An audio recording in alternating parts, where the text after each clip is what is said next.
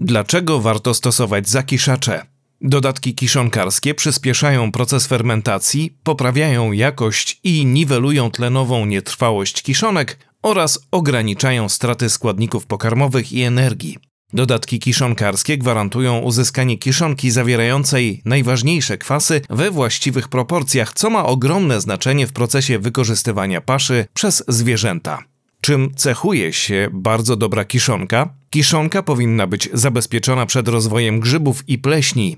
Jest odporna na wtórną fermentację i zagrzewanie się. Dobra kiszonka nie traci cennych składników pokarmowych. Dobra kiszonka smakuje krowom.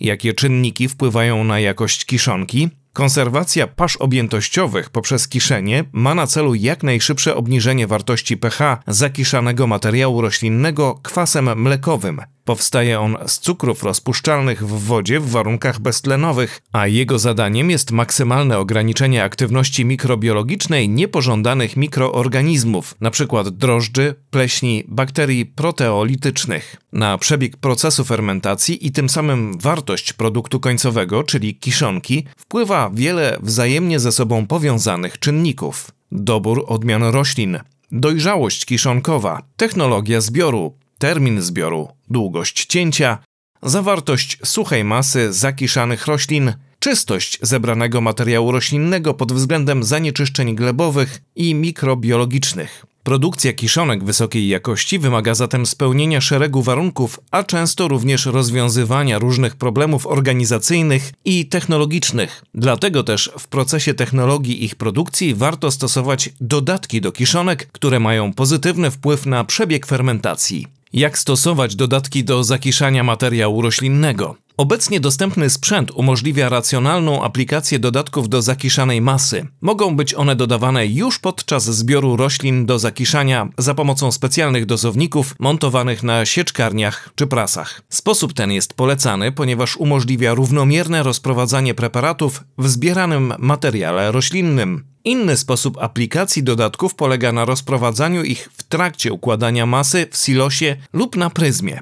W zależności od tego, w jakiej formie występuje dodatek do zakiszania, płynnej, sypkiej lub granulowanej, należy odpowiednio dobrać rodzaj aplikatora. W praktyce najbardziej rozpowszechniona jest forma płynna. Sposób przygotowania preparatu i jego dawkowanie określone są przez producenta.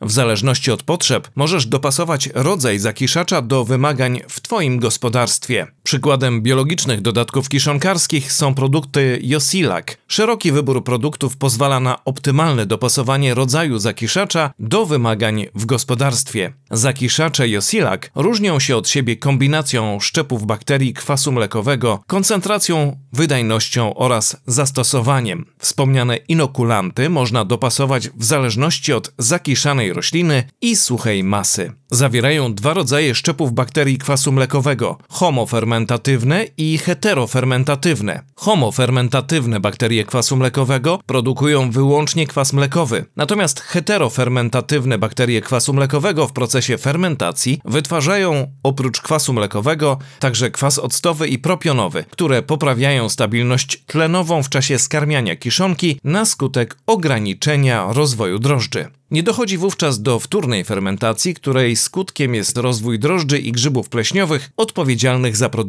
groźnych dla bydła toksyn. Czy można otworzyć kiszonkę po 7 dniach? Wiele gospodarstw boryka się z deficytem pasz objętościowych, który spowodowany jest m.in. niekorzystnymi warunkami pogodowymi, takimi jak gradobicia, nawałnice czy susze. Często hodowcy zmuszeni są do skarmiania bydła zielonkami, które znacznie różnią się strawnością i dostępnością składników pokarmowych, a ponadto szybko zagrzewają się na stole paszowym. Rozwiązaniem problemu na kończący się zapas kiszonek mogą być także zakiszacze bakteryjne. Dzięki zastosowaniu innowacyjnego inokulantu inokulantu Silosolv FC można otworzyć kiszonkę już po 7 dniach od zamknięcia i to bez względu na gatunek rośliny. Preparat ten swoją oryginalność opiera na kombinacji dwóch szczepów szybko fermentujących bakterii L. buchneri oraz L. celactis. Zaraz po zamknięciu zakiszanego materiału Silosolv FC zużywa pozostały tlen z przestrzeni powietrznych, tym samym szybciej tworząc korzystne warunki beztlenowe dla pozostałych bakterii. Dodatkowo, uzyskanie niskiego pH w tak krótkim czasie pozwala skutecznie ograniczyć rozwój niepożądanych patogenów, grzybów oraz pleśni. Saszetka zawierająca 100 gramów preparatu wystarcza na zaprawienie 50 ton świeżego materiału roślinnego.